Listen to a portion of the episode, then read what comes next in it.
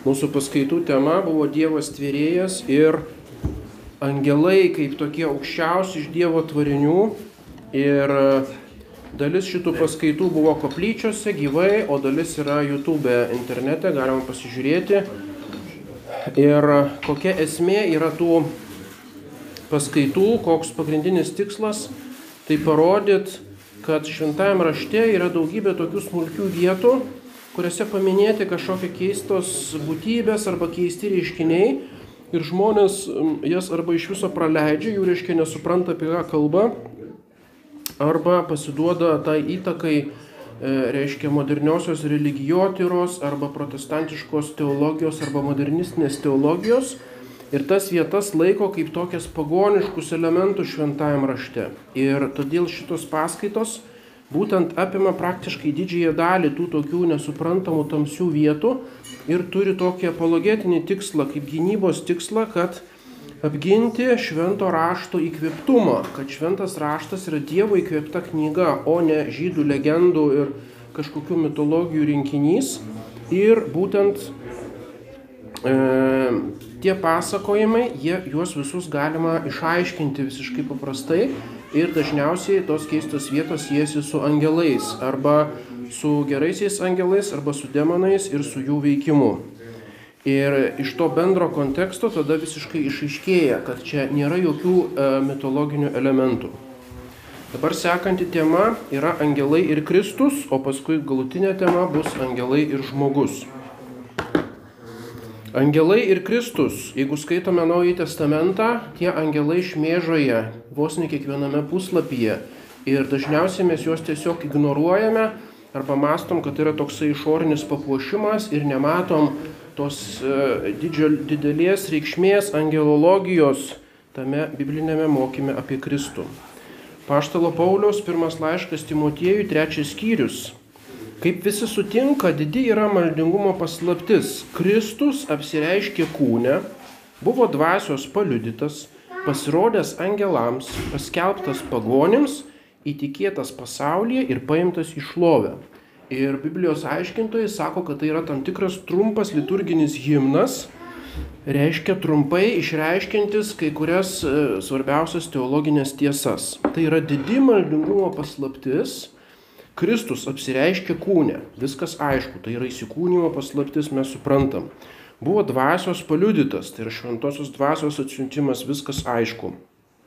Paskelbtas pagonims, įtikėtas, paimtas iš lovę dangun žengimas. Bet pasirodęs angelams, reiškia vienas iš tų kertinių krikščionių tikėjimo punktų tame himne yra pasirodęs angelams. Reiškia Kristus kaip aukštesnis už angelus ir angelų karalius ir angelų valdovas. Tai yra nepaprastai įdomi tema. Pirmas punktas - Kristus kaip angelas. Reiškia vadinamas angelu. Pirmiausia, tasai žmogus, mesijas, išganytojas yra Dievas. Sename testamente Senasis testamentas kalba apie išganytoją Mesiją, kuris ateis ir išgelbės žydų tautą ir paskui pas pranašus aišku, kad jis išgelbės ir visą pasaulį. Ir būtent jis bus žmogus, bet kartu jisai bus Dievas. Tai yra labai svarbi tema, kurią, kurią labai pabrėžia bažnyčios tėvai. 45 psalmė Tavo sostas Dieve išsilaikys per amžių amžius, tavo karališkasis skeptras, teisingumo skeptras. Tu brangini, kas teisų ir nekenti, kas nedora, todėl Dievas, tavo Dievas, patepė tave džiaugsmo aliejumi labiau negu tavo bendrus. Tai yra neįtikėtina. Kas čia dabar? Reiškia tavo sostas Dieve. Tai koks čia dabar Dievas? Ar tai yra Dievas tėvas, ar Dievas apskritai? Bet devinta eilutė. Dievas, tavo Dievas patepė tave, o prieš tai kreipėsi į Dievą. Reiškia, tavo sostas Dieve, tos psalmės eilutės kreipiasi į Dievą, o dabar Dievas, tavo Dievas patepė tave Dieve. Tai čia yra neįtikėtina. Ir reiškia būtent bažnyčios tėvai šitą aiškina. Ir tai yra, galima sakyti, dogminis aiškinimas, kad tas pirmasis Dievas tai yra Mesijas. Tai yra kaip žmogus, kuris taps išganytoju. O tas kitas Dievas tai yra Dievas tėvas, Dievas tėvas, tavo mesijau, Dievas patepė tave, Dieve, mesijau, džiaugsmo aliejumi labiau negu tavo bendrus. Ir patepė tave aliejumi, patepimas greikiškai yra chrizma, christein, tai reiškia yra Kristus, yra pateptasis kaip esminis mesijo titulas. Reiškia Dievas, tavo Dievas patepė tave mesijau džiaugsmo aliejumi labiau negu tavo bendrus. Ir dabar kas yra tie labiau negu tavo bendrus? Ir kai kurie šitą aiškina, kad čia kalbama apie kitus dievus. O kas yra tie kiti dievai? Tai yra Elohim. Elohim tai yra angelai kaip Elohim, apie tai buvo pirmoji šitų paskaitų ciklo dalis, kad būtent angelai vadinami Elohimais. Ir Elohim yra tas pats žodis kaip El reiškia Dievas.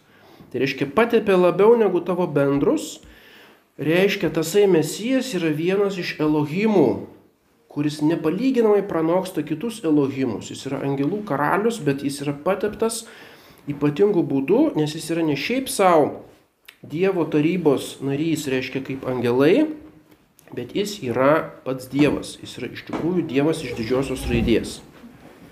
Izaijas 9 skyrius. Tauta gyvenusi tamsoje išvydo didžią šviesą. Gyvenusiems nevilties šešėlyje užtekėjo šviesybė. Tu išaukštinai tą tautą, suteikėjai didį džiaugsmą, sutriškinai priešus ir kūdikis mums gimė, sunus mums duotas, jis bus mums valdovas.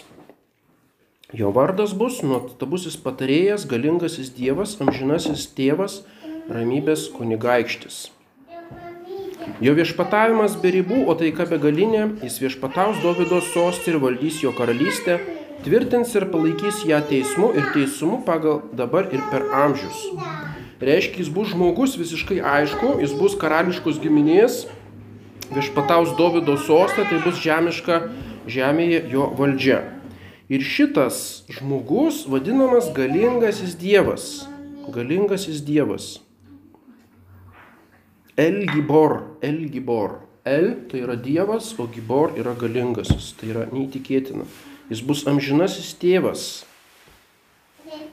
Ramybės kunigaikštis, šar šalom, reiškia, e, čia kitus tuos titulus, e, būtent galingasis dievas, tai šitas visiškai aiškus yra, kad Izaijas turi omenyje dieviškumą šito mesijo. Tai yra irgi kaip dogmatinis aiškinimas Izaijo. Bet dabar kiti šitie titulai, nuostabusis patarėjas, ramybės kunigaikštis. Ką mums primena šitie titulai? O primena kitus dievus, tai yra kitus elohimus, o tie kiti elohimai yra angelai. Angelai ir gerieji ir piktieji, kai kurie iš jų vadinami kunigaikščiais, reiškia šar. Ir šar šalom, jis yra ramybės kunigaikštis, būtent kaip toksai, galima sakyti, super angelas. Malachijo trečias skyrius. Siunčiu savo pasiuntinį angelum, angelą. Pirma savęs parengti man kelią. Staiga ateis į savo šventyklą viešpats, kurio jūs ieškote. Sandoros pasiuntinys, angelus testamentį, kurio jūs trokštate, tikrai jau ateina, sako galybių viešpats. Juk jis lyg lydytojo ugnis ir lyg kalbėjų šarmas e, ir taip toliau. Reiškia, tasai pasiuntinys pas Malachyje tai yra ne kažkoks kitas pasiuntinys ar angelas, bet tai yra tasai, kuris taiga ateis į savo šventyklą viešpats, Ha-Adon, reiškia valdovas, kurio jūs ieškote. Ir šitas sandoros angelus testamentis, sandoros pasiuntinys tikrai jau ateina, kaip lydytų ugnis, kalbėjų šarmas, e, reiškia Skvireckas tai bando atskirti, kad reiškia angelus mėjus tai yra Jonas Krikštytojas, O Adon ir Angelus testamente tai jau yra Mesijas, tai jau yra pats Kristus. Bet čia tokia ginčtinas aiškinimas. Atrodo, kad pats Mesijas arba pats e, Dievo sūnus, kuris ateina į žemę, suprantamas kaip angelas. Reiškia, angelu vadinamas ir e, pats Jėzus Kristus. Izaijas 9 skyrius, labai žymi vieta, iš kalėdų mes visi žinome, kūdikis mums gimė, sūnus mums duotas, jis bus mums Ne, šitą jau kalbėjome. Reiškia, jis bus sandoros pasiuntinys.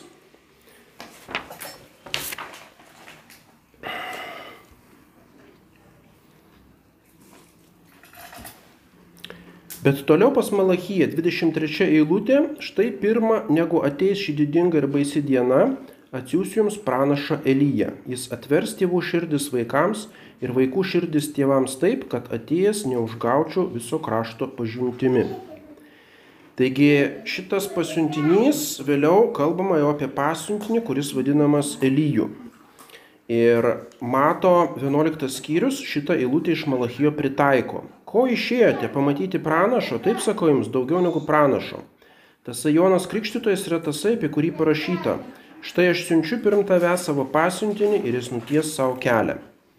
Iš tiesų sakau jums, targimusių iš moterų nėra buvę didesnio už Joną Krikštytoją, bet ir mažiausias dangaus karalystėje yra didesnis už jį. Nuo Jono Krikštytojo dienų iki dabar dangaus karalystėje jėga puolame. E, visi pranašai ir įstatymas pranašavo iki Jonų ir jeigu norite priimti, tai jis yra tas Elijas, kuris turi ateiti. Kas turi ausis, te klauso. Reiškia, Jėzus Kristus mato 11 skyriui, daro egzegezę arba išaiškinimą Malachijo 3 skyrių ir sako, kad ne pats Elijas iš Senojo testamento ateis, bet bus Jonas Krikštytojas, reiškia, arba yra Jonas Krikštytojas, kuris yra tasai Elijas. Reiškia, Elijas jau čia yra kaip titulas, kuris pritaikomas Jonui Krikštytui. Tačiau e, paskui yra apokalipsė, kurioje Elijas jau iš tikrųjų ateis kaip toksai, mm, e, reiškia, pasaulio pabaigoje. Kristaus kaip angelo pirmtakai arba jo kelio ruošėjai. Tai yra Mozė, tai yra Senojo testamento kunigai, tai yra pranašai. Ir šitie visi Kristaus kaip angelo pirmtakai, jie taip pat kartais vadinami angelais, reiškia pasiuntiniais. Skaičių knyga 20 skyrius. Mozė išsiuntė iš Kadešo pasiuntinius pas Edomo karalių. Taip sako tavo brolis Izraelis, mes šaukėmės viešpatės Jis išgirdo mūsų balsą, pasiuntė angelą ir išvedė mus iš Egipto. Pasiuntė angelą ir išvedė mus iš Egipto.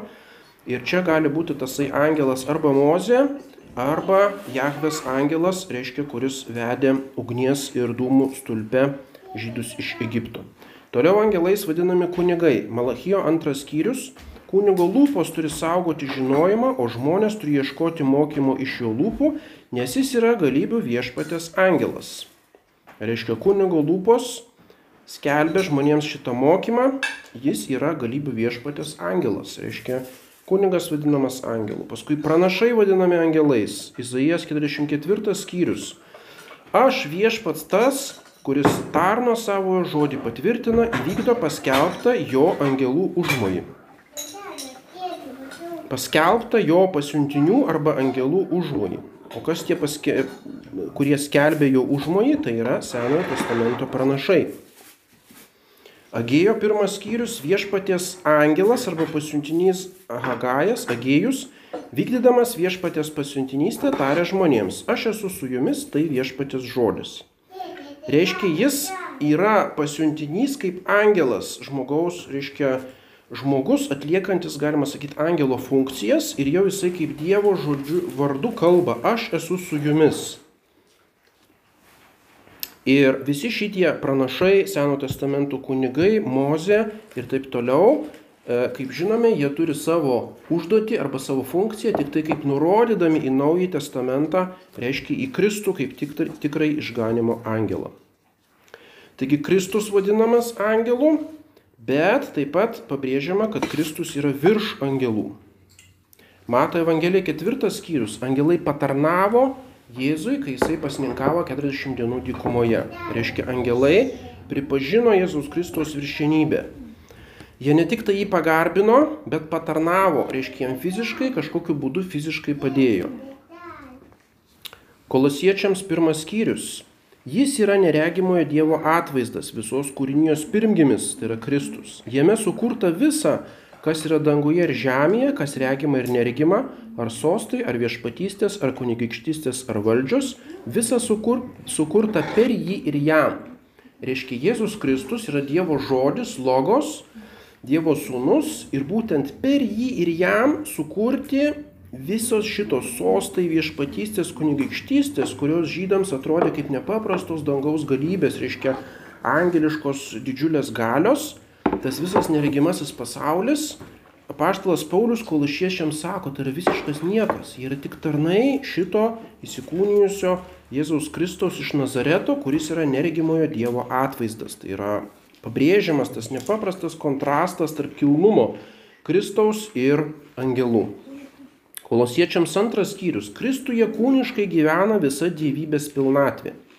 Jis yra visokių kunigaikštysčių ir valdžių galva.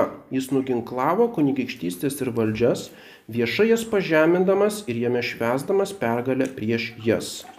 Šį čia kunigaikštystės ir valdžios yra puolę angelai, tai yra demonai, piktosios dvasios ir Kristus kuris, kuriame gyvena visa dievybės pilnatvė, jis yra Dievas, tai reiškia absoliučiai viršenybė jo virš angelų, kurie yra tvariniai, jisai nuginklavo tas kunigaikštystės ir valdžias ir jas pažemino, švesdamas pergalę prieš jas. Būtent angelų nuodėmė yra puikybė. Tos kunigaikštystės ir valdžios e, nori be Dievo ir prieš Dievo valią pakilti ir tarnauti ir viešpatauti. Ir jisai jas viešai jas pažemino, reiškia pergalė būtent prieš tą puikybės nuodėmę angelų. Efeziečiams pirmas skyrius. Jais prižadino Kristų iš numirusių ir pasidino danguose savo dešinėje, aukščiau už visas kunigikštystės, valdžias galybės, viešpatystės ir už kiekvieną vardą, tariama ne tik šiame pasaulyje, bet ir busimajame. Apie tai buvo kalbama pirmosiose paskaitose kad angelai sudaro tam tikrą dangaus tarybą arba tokį dangiškai dvarą šalia Dievo arba, reiškia, kaip Dievo apsuptyje. Reiškia, pasodino danguose, tai yra dangai, dangus daugiskaita, tai yra dangaus sferos. Ir tose sferose būtent yra šitos kunigaikštystės valdžios galybės, e, reiškia, kurios sudaro tokią hierarchišką dvarą dangišką, kaip karaliaus rūmose ir tai yra kaip Dievo taryba. Ir štai Dievas prižadino Kristų iš numirusių ir pasodino tuose danguose savo dešinėje. Reiškia visoje toje dangiškos hierarchijoje Kristus kaip žmogus, reiškia tas Jėzus Kristus iš Nazareto, sėdi tėvo dešinėje, reiškia viename lygmenyje su Dievu, nes jis yra Dievas. Tai yra absoliutus viršenybė virš visų šitų kitų angeliškų hierarchijų.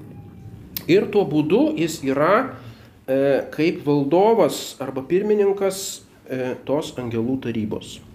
Pirmas Petro laiškas įžengęs į dangų, jis sėdi Dievo dešinėje, o jam yra pavaldus angelai ir valdžios ir galybės. Reiškia, jis ne tik tai garbės laipsnių viršesnis už juos, bet jis valdo juos. Kaip Kristus valdo angelus mes nežinom, galbūt būtent Kristus po savo dangun įžengimo jisai specialiai pasiunčia angelą sargą kažkokiai misijai arba duoda tam tikrą pavedimą. Tai yra, čia galim spekuliuoti, reiškia, kokiu būdu jis valdo angelus ir jiems įsakinėja ir juos siunčia. Kristus yra nepalyginamai prakilnesnis už angelus ir čia yra tam skirta didelė dalis laiško žydams paštalo Pauliaus. Daugel kartų įvairiais būdais Dievas yra kalbėjęs per pranašus, o dabar jis prabilo per sūnų, kurį paskyrė visatos paveldytojų ir per kurį sukūrė pasaulius. Daugiskaita pasaulius, tai reiškia regimą pasaulį ir neregimą. Jis Dievo šlovės atvaizdas ir jo esybės paveikslas, palaikantis savo galingų žodžių visatą, nuplovęs nuodėmės, atsisėdo didybės dešinėje aukštybių aukštybėse ir tapo tiek prakilnesnis už angelus, kiek aukštesnį už juos paveldėjo vardą. Vėl tas pats kaip kolosiečiams, efeziečiams, tik labiau išvystyta visa ta Kristaus viršenybės virš angelus teologija. Matom, kaip tas buvo svarbu. Laiškas žydams, reiškia, Paulius skyrė ištisą tematiką, e, pabrėždamas ir visokiais būdais akcentuodamas Kristaus viršenybę virš angelų. Mums atrodo, nu, kam čia taip leistis, angelai tai yra tik tokia dekoracija, toks pašalinis elementas Biblijai, kodėl čia dabar tiek daug dėmesio, apie tai dogmatikos paskaitose net nekalbama, reiškia, apie Kristaus santykių su angelais. O štai apaštalai Pauliui tas yra pirmoji vietoj. Nuo pirmos skyriaus, pirmos eilutės jis kalba apie Kristaus ir angelų santykių. Tas yra jam esminis kaip argumentas judaizmo akivaizdoje apie Kristaus išskirtinumą ir jo įsikūnymą. Ir tada cituoja antrą psalmę ir taip toliau įvairios vietos. Argi jie, tai yra angelai, visi nėra tik tarnaujančios dvasios, išsiųstos patarnauti tiems, kurie paveldės išganimą. Reiškia, angelai yra tik tarnaujančios dvasios. Tai yra galima sakyti, nu, karūnavimas visos tos išpūstos angelų teologijos, kuri buvo judaizme. Antras skyrius laiško žydams. Jei per angelus paskelbtas žodis turėjo galę ir kiekvienas nusižengimas susilaukdavo teisėtos bausmės, tai kaipgi mes pabėgsime nuo jos, nepaisydami tokio didžio išganimo. Tai yra neįtikėtina, reiškia, yra per angelus paskelbtas žodis, reiškia, yra Senasis testamentas. E, čia apaštalas Paulius remiasi tuo vėlyvojo, reiškia, judaizmo tuo mąstymu, kad Dievo apreiškimas nebuvo tiesiogiai, kad ten, kur sakoma Dievas sako tą ir tą, tai ne pats Dievas sako, bet jis kalba per angelus. Reiškia tas, kas apsireiškia Mozijai ar kitiems, būtent ne pats Dievas apsireiškia, o angelai, kurie kaip Dievo atvaizdas kalba pranašams. Ir atrodo, kad Paulius laikosi tos tezės per angelus paskelbtas žodis. Tai buvo Senojo testamento visas apriškimas ir jis turėjo galę, kad kiekvienas nusižengimas susilaukdavo teisėtos bausmės. Reiškia, jis pripažįsta vertę Senojo testamento. Bet nepalyginamai didesnis yra žodis, kuris tapo kūnu, reiškia žodis, kuris ne per angelus paskelbtas žodis, bet paties Dievo žodis. Ir tas įsikūnijęs žodis tai yra Jėzus Kristus. Tai reiškia, kontrastas yra neįtikėtinas. Padarai trumpam laikui mažesnį už angelus, didybę ir garbėje apvainikavai, visą pajungiai jo valdžiai, cituoja 8 psalmę. Trumpam laikui mažesnį už angelus. Reiškia, žmogiškąją prigimtimi, kaip žmogus e, įsikūnijęs, tasai Dievo žodis yra mažesnis už angelus. Reiškia, Dievas įsikūnijo ne į angelus, o įsikūnijo į žmogų. Bet tai yra tik tai trumpam laikui. Bet paskui didybė ir garbė jį apvainikavai, visą pajungė jo valdžią ir jau dabar Kristus po dangun žengimo yra absoliučiai aukštesnis už angelus, sėdi tėvo dešinėje ir taip toliau. Ir paskui cituoja 21 psalmę, aš paskelbsiu tavo vardą savo broliams, susirinkime tave šlovinsiu giesme.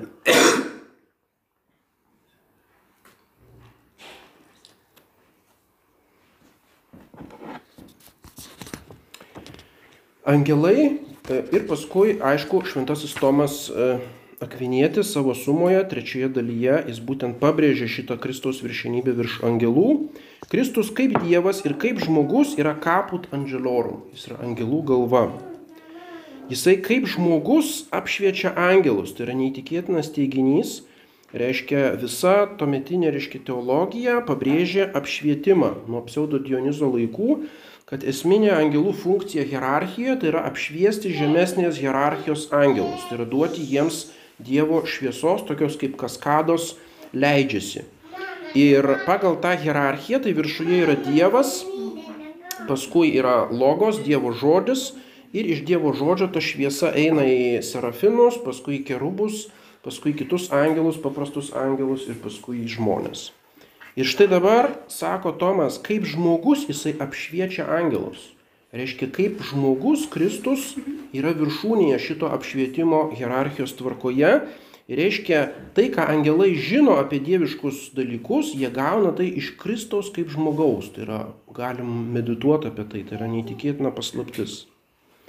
Toliau sako Tomas, Kristaus žmogiška siela gali savo gale ir prigimtimi apšviesti bet kurią protingą būtybę, net aukščiausią angelą. Reiškia, koks yra skirtumas tarp Kristaus žmogiškosios sielos ir mūsų sielos. Tai čia neįtikėtinas skirtumas. Reiškia, mes galvojam, gerai, yra Kristaus dievystė, o paskui yra Kristaus siela ir kūnas. Tai tas siela ir kūnas praktiškai kaip mūsų. Reiškia, yra tas pats ligmuo. Bet ne, Kristaus žmogiška siela gali savo gale ir prigimtimi apšviesti aukščiausią angelą Serafimą. Tai čia neįtikėtina yra. Kristaus siela yra kilnesnė už angelus, o jo kūnas kilnesnis už mūsų sielos. Reiškia, vėl yra kaip paneigimas tos esminės hierarchijos, kuri galima sakyti nuo antikos laikų buvo, kad pirmiausia yra Dievas, paskui yra grinosios dvasinės substancijos angelai, paskui yra žmogaus siela kaip grinoji, substan... E, grinoji dvasia, bet jinai susijęta su kūnu, o paskui yra kūnas. Ir tai yra kaip, nu, tokia pamatinė hierarchija būties. Ir reiškia, bet kokia siela dėka savo dvasingumo yra kilnesnė už kūną. Bet Tomas sako, Kristaus kūnas yra kilnesnis už mūsų paprastų žmonių sielas. Tai reiškia, tas fizinis organizmas, tasai kūnas, kuris kentėjo, kuris valgė, mėgojo, jis yra kilnesnis savo prigimtimi už mūsų sielas, racionalias sielas, kurios turi protą laisvą valią. Tai yra... Ir reiškia, ta siela yra kilnesnė už angelus. Reiškia, yra ne tik tai už žmogaus sielą kilnesnė, bet ir už aukščiausią angelą Serafimą. Nu, tai yra, čia sunku, sunku patikėti.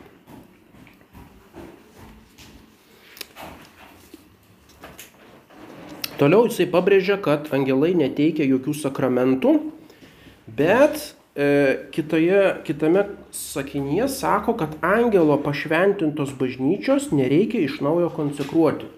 Tai reiškia, jis nagrinėja tą klausimą apie, e, kaip tas vadinasi, Monte Gargano, yra tokia ola, kurioje apsireiškia arkangelas Mykolas E, ten atsirado viena pirmųjų Arkangelo Mykolo šventovių krikščioniškame pasaulyje ir būtent atėjo vyskupas ir norėjo ten pastatyti altorių, reiškia, ir ją konsekruoti kaip jau koplyčią ir apsireiškė Mykolas Angelas, sako, nereikia konsekracijos apieigų, nes aš jau pašventinau. Nu ir dabar didžiausi ginčiai, kaip čia dabar, nes angelas tai nėra kunigas, o pašventinti yra kunigiška pareiga. Ir reiškia, bažnyčios pašventinimas yra sakramentalija ir E, bet e, Tomas Akvinėtis daro tą išimtį, kad angelo pašventintos bažnyčios nebereikia iš naujo konsekruoti. Tai reiškia, pripažįsta jam tam tikrą kvazi kunigišką funkciją. Nu čia nesileisim į detalės, bet čia labai įdomus punktas. Toliau, angelai yra sutverti Kristaus Jau patys pirmieji bažnyčios rašytojai Irenėjus, Origenas, Atanazas, jie sako, kad angelai sutverti per logos, per Dievo žodį. Reiškia, ir Kristus yra angelų tvėrėjas, šitą pabrėžia šventasis Ambraziejus Jonas Damaskietis. Ir vėlgi, kolosiečiams pirmas skyrius, jis yra neregimojo Dievo atvaizdas, jame sukurta visa, kas yra danguje ir žemėje, viešpatystės kunigaikštystės. Reiškia, visi angelų chorai sukurti per Kristų ir Kristuje. Ir kalbama apie jau įsikūnijusią Dievo sūnų. Kaip, tok, kaip toks jis yra energimojo Dievo atvaizdas visos kūrinijos pirmgimis. Reiškia, čia ne tik tai Dievo žodis logos, kaip švenčiausioji trejybė, tada viskas būtų aišku. Bet jis yra visos kūrinijos pirmgimis, tai reiškia, jau kalbama apie įsikūnijusią Dievo žodį - Kristų. Jis yra kaip toksai neregimas Dievo atvaizdas ir kaip toks jis sukūrė angelus. Reiškia, angelų kūrimas turi tam tikrą ryšį su Dievo žodžių įsikūnymu ir jo būsima atpirkimo auka. Reiškia, tas pats sūnus yra nuo amžių numatytas Dievo ir žmogaus atvaizdas, jis įsispaudžiantis kūrinyje, toks prototipas būsimiems tvėrimo darbams.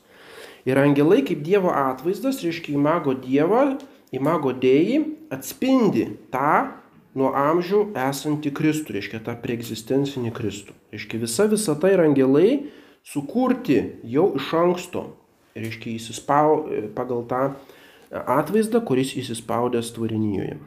Nu, čia galima spekuliuoti ir iš to ir bažnyčios tėvai, ir paskui teologija išveda tokią ištisą teoriją. Ir to jau paminima bažnyčia. Reiškia, sakoma, kad Kristus yra neregimojo Dievo atvaizdas, jame sukurta viskas - sostai, kunigaikštystės, valdžios. Ir paskui jis yra kūno bažnyčios galva. Jis pradžia mirusiųjų pirmgimis ir visame kame turi pirmenybę. Reiškia, kalba apie angelus ir paskui iškart kalba apie bažnyčią. Ir galima daryti prielaidą, kad jis susiję angelus ir bažnyčią Ir reiškia, angelai tam tikrų būdų priklauso bažnyčiai.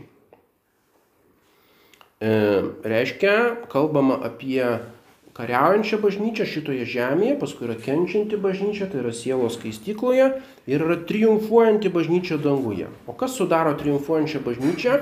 Tai sudaro šventieji, kurie yra danguje, o apie šventuosius vėliau mes matysime, kad e, tapimas dangaus šventuoju, tai reiškia savo esme prilyginimą tam tikrą angelams. Tai yra įrikiavimas žmogaus su kūnu ir siela į angelų hierarchiją. Reiškia, apie tai bus vėliau kalbama, e, kalbant apie angelų ir žmogų, žmonių ryšį. Tai reiškia, šita triumfuojanti bažnyčia yra iš tikrųjų bažnyčia ir jos nariai yra žmonės šventieji, bet tie šventieji yra neatskiriamai įrikiuoti į angelų hierarchiją. Tai reiškia, ir tie angelai, kurie lygi tol buvo danguje, tam tikrų būdų yra triumfuojančios bažnyčios dalis. Aišku, tai nereiškia, kad bažnyčios vadovai turi jurisdikciją angelams. Ir dabar popiežius ar vyskupas gali sakyti, tu ten, arkangelai rapolai, turi vykdyti tokį ir tokį, reiškia, mano jurisdikcijos kokią nors įsakymą. Toliau angelai Kristaus gyvenime, tai čia mes viską žinome, čia apie tai nesigilinsim. Angelas apreiškia Marijai, kad ji taps Dievo motina angelas nurodo Elsbietą, kad tavo giminaitė Elsbieta jinai bus kaip ženklas, kad tavo sūnus yra Dievo sūnus. Reiškia vėl angelo funkcija. Toliau angelų chorai ir piemenys prie prakartėlės. Toliau angelas moko Juozapą dėl Marijos, įspėja Juozapą dėl Erodo. Paskui angelas guodžia Kristų agonijos metu alyvų sode. Angelas nuverčia kapo akmenį, išgazdina sargybinius. Angelai prie kapo, kai Marija Magdalena ateina prie kapo. Ir reiškia, kur tik nepasisuksi, visur sukiojasi šitie angelai, reiškia, per Kristaus gyvenimą. Ir tai jeigu šventasis raštas ir apaštalas Lukas šitai pabrėžia, tai mes negalim to laikyti tik tai tokiu papuošimu. Tai yra tikrai turi teologinę reikšmę. Apaštalų darbai pirmas skyrius. Kai jie akių nenuleisdami žiūrėjo įžengiantį dangun Jėzų, štai prie jų atsirado du vyrai baltais drabužiais ir prabilo vyrai galilėjiečiai, ko stovite žiūrėdami į dangų. Reiškia, net dangun žengimas neapsėina be angelų ir tie angelai parodomi kaip du vyrai baltais drabužiais, reiškia grinai tokiu pavydalu, kaip jie apsireikždavo Senajame testamente. Reiškia, angelai visur matomi. O kur tų angelų nėra, kur Evangelijos vietoj, tai yra kančios istorija. Alyvų kalnas, Kristus meldžiasi, tada dar jis priima tą taurę ir paveiksluose vaizduojama, kaip angelas duoda jam gerti taurę. Angelas, reiškia, jį guodžia agonijos metu ir viskas. Po agonijos Kristus ateina pas apaštalus, mano valanda atėjo ir nuo to momento su, suėmimas, teismas, reiškia E, kryžiaus kelias, nukryžiavimas, nei vieno angelo niekur, net pėtsako, neskraido angelas ir nepadeda. Kodėl? Kristus sako suėmėjams, jeigu aš norėčiau, ar mano tėvas negalėtų man atsiųsti, e, kiek ten legionų reiškia angelų. Tai reiškia, jis savanoriškai atsisako šito bendravimo su angelais, jisai, galima sakyti, nusižemina iki paskutinių lygmens ir angelai lyg dinksta Jis yra kaip apleistas ta jo žmogystė, nuo tos žmogystės atrodo pasitraukia ir Dievas, ir angelai. Ir jis kaip toks žemės kirminas, reiškia, jisai kenčia. Būtent kaip Izaijas įlygina su kirminu, kaip kirminas, kuris sutraiškomas, kuris niekingas ir reiškia pats žemiausias iš tvarinių. Tai reiškia, ši čia jau angelų nėra. O visose kitose momentuose visur matome angelus. Toliau angelai skatina Evangelijos skelbimą, apaštalų darbų penktas skyrius.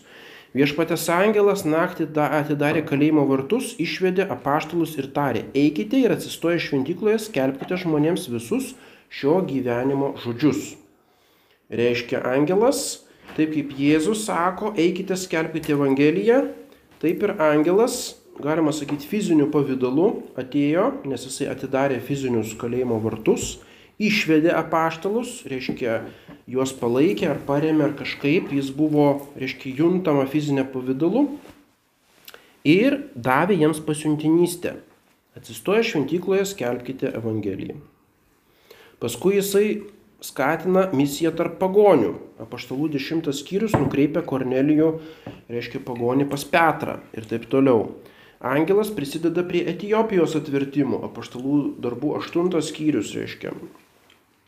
E, reiškia padeda tai pažinti Evangeliją tam eunuchui iš Etijopijos, kuris paskui atvertė, reiškia, Etijopijos karalystę. Tai reiškia, Evangelijai angelai visur yra Kristaus ir paskui apaštalų gyvenime. Toliau angelai ir šventoji dvasia Ir štai apaštalas šitas šventasis Tomas pirmoje dalyje rašo, šventoji dvasia pasirodė kaip balandis ir kaip ugnies liežuviai.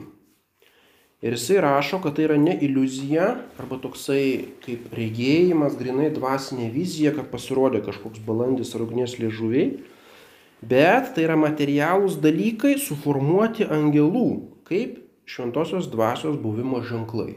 Tai yra galima irgi mąstyti, reiškia. Nes e, visur šventas Tomas Akvinėtis, kai kalba apie apsireiškimus tam tikras, jis visur pabrėžia, kad tai nėra intelektualinė kažkokia vizija, kad reiškia Dievas sužadina žmogaus fantaziją, tai kaip šventųjų gyvenime, ir tada pasirodo tam tikras vaizdinys galvoje. Bet tai yra materialūs daiktai, reiškia tas balandis buvo tikras, va, toks tikras balandis su sparnais apčiuopiamas ir tie ugnies liežuviai virš apaštalų galvų taip pat buvo apčiuopiami ir jie buvo suformuoti angelų kaip šventosios dvasios buvimo ženklai. Tai nereiškia, kad tuose tame balandį ir ugnyje buvo kaip įsikūnijusi šventoji dvasia, bet tai yra kaip regimi tokie ženklai, simboliai, bet suformuoti angelų. Toliau Luko Evangelija 11 skyrius. Mm, svečias atėjo. Jėzus išvaro demonus Dievo pirštu, tai yra šventąją dvasia. Reiškia, šventoji dvasia yra Dievo pirštas didžitus paternė deksterė, kaip sakoma, vieni kreator. Ir tas Dievo pirštas, kokia jo funkcija, išvaro demonus. Reiškia, egzorcistinė funkcija, o demonai yra piktieji angelai. Tai reiškia, šventoji dvasia turi ypatingą rolę kovojant prieš piktasias dvasias ir egzorcizmuose. Apie šventąją dvasę daugiausia skaitoma paštulų darbuose. Ir čia šventoji dvasia beveik visuomet veikia tiesiogiai. E, reiškia, nėra taip, kad per angelus šventoji dvasia veiktų.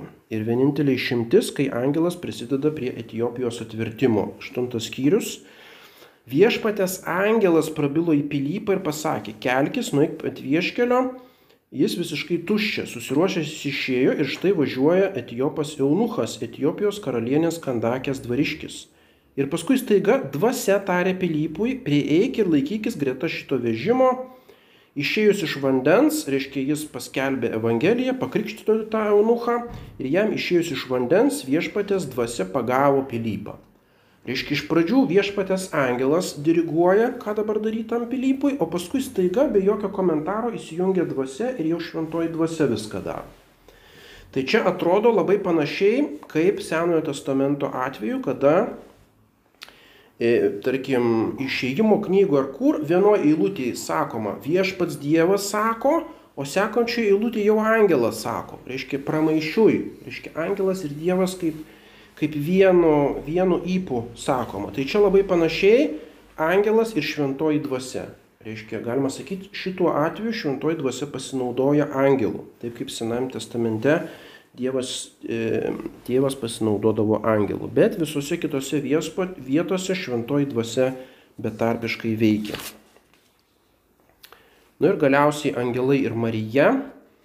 Tai vėlgi teologija pabrėžia, kad švenčiausia mergelė Marija yra aukščiau angelų. Ir litanijoje, Marijos litanijoje sakoma angelų karalienė. Kodėl taip yra? Todėl, kad būtent Marija yra absoliučiai susijusi su Kristumi, o Kristus yra virš angelų, kaip jau minėjome. E, reiškia, pradžios knygoje e, moters sėkla, tai reiškia moters palikuonis, E, nugalėjęs sutraiški žalčio galvą ir tas palikonis yra tiek Kristus turimo omenyje, tiek Dievo motina Marija, kuris kaip nekaltoji sutraiški žalčio galvą. Ir paskui apokaliptinė moteris, kuri persekėjama slibino, slibinas tai yra demonas, velnės. Ir ką jisai persekioja, kas ta moteris, viena vertus ta moteris yra bažnyčia, bažnyčios simbolis, o kita vertus tai yra mergelė Marija. Ir vėl yra jos pergalė prieš slibiną ir jinai yra danguje, 12 žvaigždžių vainikas, reiškia yra išaukštinta e, virš angelų chorų. Liturgijoje mergelė Marija siejama su išmintimi iš didžiosios raidės, kuri yra ne tik tai Dievo tasai žodis aukštesnis už angelus, bet taip pat mergelės Marijos e, kaip idėja Dievo mintyse ir būtent e, kunigas Štėlinas savo knygoje būtent pabrėžė šitą išminties, knygose minimos išminties ryšį su mergelė Marija. Būtent tai nėra tik teologinė spekulacija, bet liturgija šitą paremė. Tai reiškia, jeigu mergelė Marija turi E, ryšį su šita išmintimi, Dievo logos, tai automatiškai jinai yra virš angelų ir virš, virš angelų chorų. Reiškia, jinai yra aukščiau angelų, kaip nekaltai pradėtoji ir kaip Dievo motina, dviejopai. Toliau litanijoje kitas titulas yra aušros žvaigždė. Stela matutina, stela matutina reiškia kaip ryto žvaigždė, o kas yra ryto žvaigždė, apie tai jau buvo kalba. Tai yra būtent aušrinė, o aušrinė vadinama Lucifer. Reiškia Lucifer. E, Luciferis, tikrasis Luciferis yra Jėzus Kristus, tai yra tikroji aušrinė žvaigždė ir kaip Kristuje dalyvaujanti taip pat mergelė Marija. O šitą titulą paskui uzurpavo arba savo pritaikė tasai puolęs angelas, kuris norėjo būti kaip tokia aušrinė žvaigždė ir todėl tas titulas paskui perėjo Luciferiui kaip tam puolusiam angelui. Bet Luciferis tai reiškia šviesos nešėjas. O mes žinome, kad demonas tai yra tamsos angelas. Tai reiškia, jeigu mes sakome, kad šitonas yra Luciferis, tai tik tai ta prasme, kad jis uzurpavo Luciferio titulą. O iš tikrųjų tikrasis šviesos nešėjas, ta tikroji aušos žvaigždė Tai yra Jėzus Kristus ir mergelė Marija. Bet žinoma, tik tai išimties tvarka Luciferio titulas taikomas Jėzui Kristui. Būtent tai yra Velykinė liturgija, kur sakoma Verus Lucifer, tikrasis Luciferis, kuris nušvito ir mums davė šviesą. Arkangelas Gabrielius kalba su Marija kaip su savo valdove, jis nusižemina prieš ją. Yra didžiulis skirtumas Arkangelas Gabrielius, kai jis pasirodo Zacharijui, tai Zacharijas tiesiog dreba ir paskui nubaudžia jį dar, reiškia, jis negali kalbėti ir taip toliau.